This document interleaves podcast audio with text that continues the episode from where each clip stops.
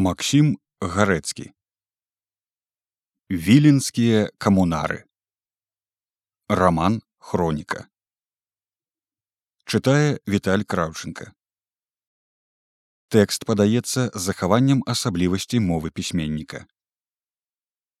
Частка першая. Раздзел першы. Сямейныя легенды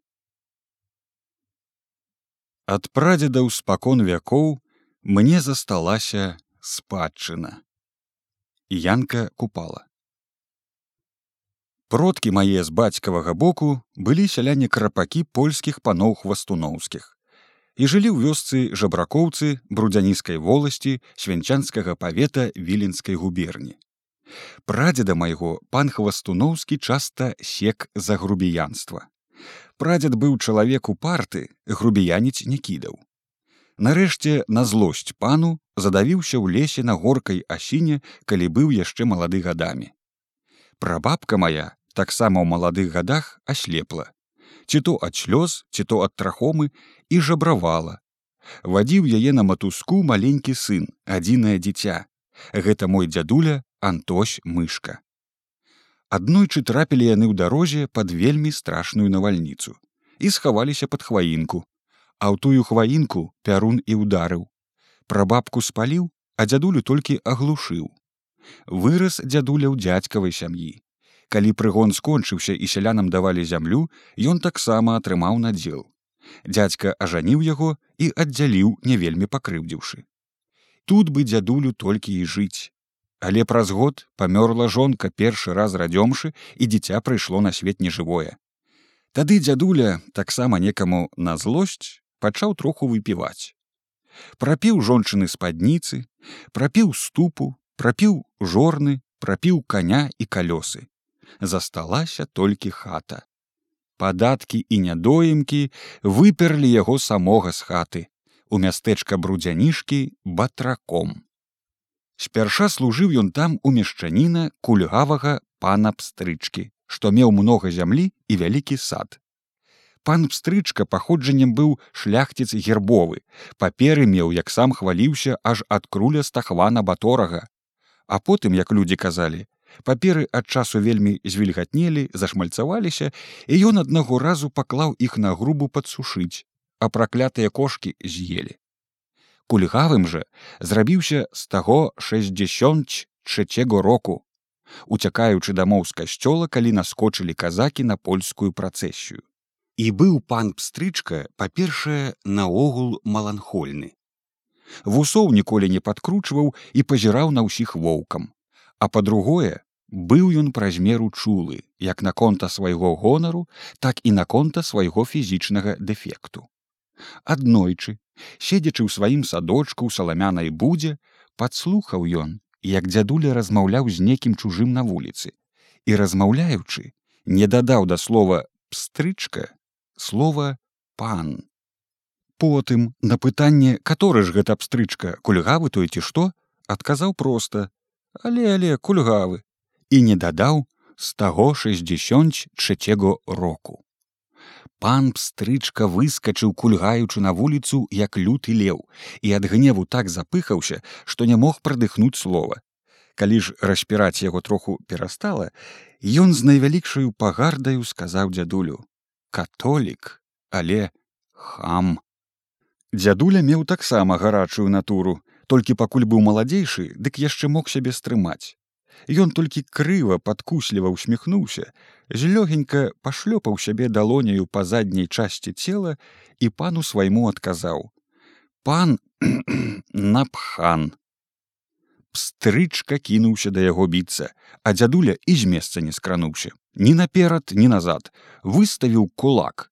Праўда, невялікі, бо сам быў невялікі, і стаяў як скаліна і паступіў дзядуля фурманам да брудзянійскага купца гаспадзіна махлярчыка што з маладосці быў чалавечак вельмі бедны скупліваў па вёсках шчацінку скурацінку хадзіў дробненькі мізэрны брудны і бародку сваю рудую не часаў ніколі.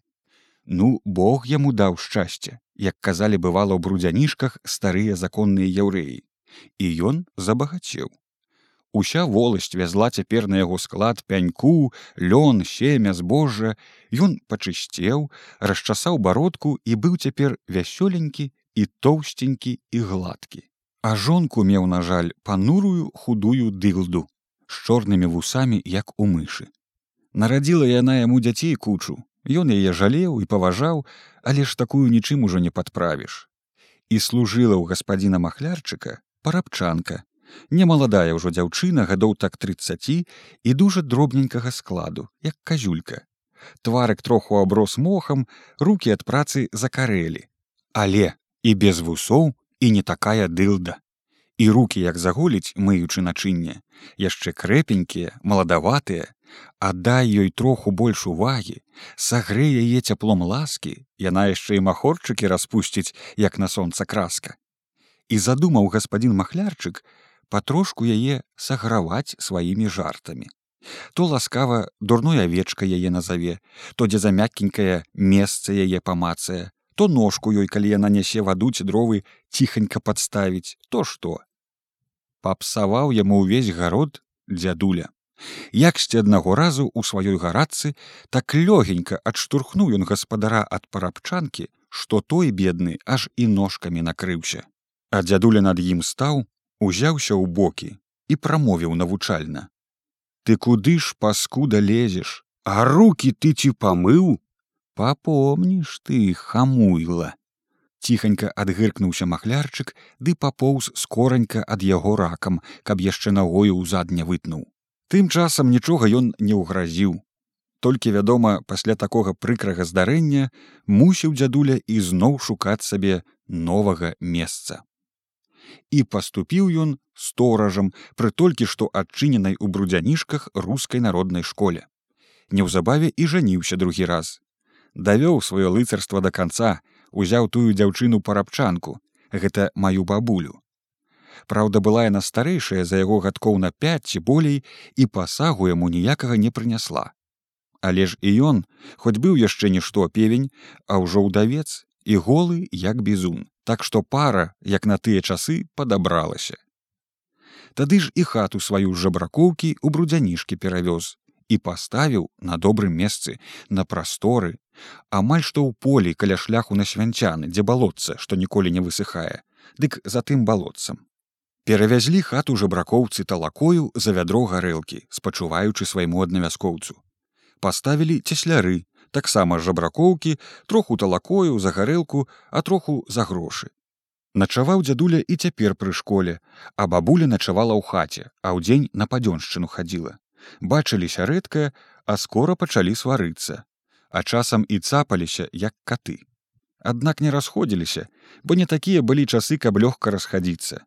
Бабулі ж і ўпрочкі бегаць не было куды а потым куды ўжо пабяжыш калі пасыпаліся дзеткі штогод то ў дот. Толькі ў доды былі дзяўчаткі і дзяўчаткі, за што дзядуля вельмі гневаўся на бабулю, бо прычыну бачыў паводле народных забабонаў у сцюдзёнасці яе натуры. Дзяўчаткі радзіліся і ўміралі, каторыя з водры, каторыя з шкарлятыны, каторая хто ведае з якой хваробы. Часта спраўляючы хрэзьбіны і памінкі, пачаў дзядуля ізноў патроху выпіваць.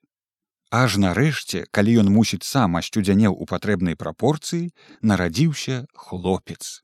А здаровы, як шчупак, гэта ўжо мой бацька, Мехась мышка. Яго ніякая пошасць не ўзяла, і ён гадаваўся. На ім і загавелі.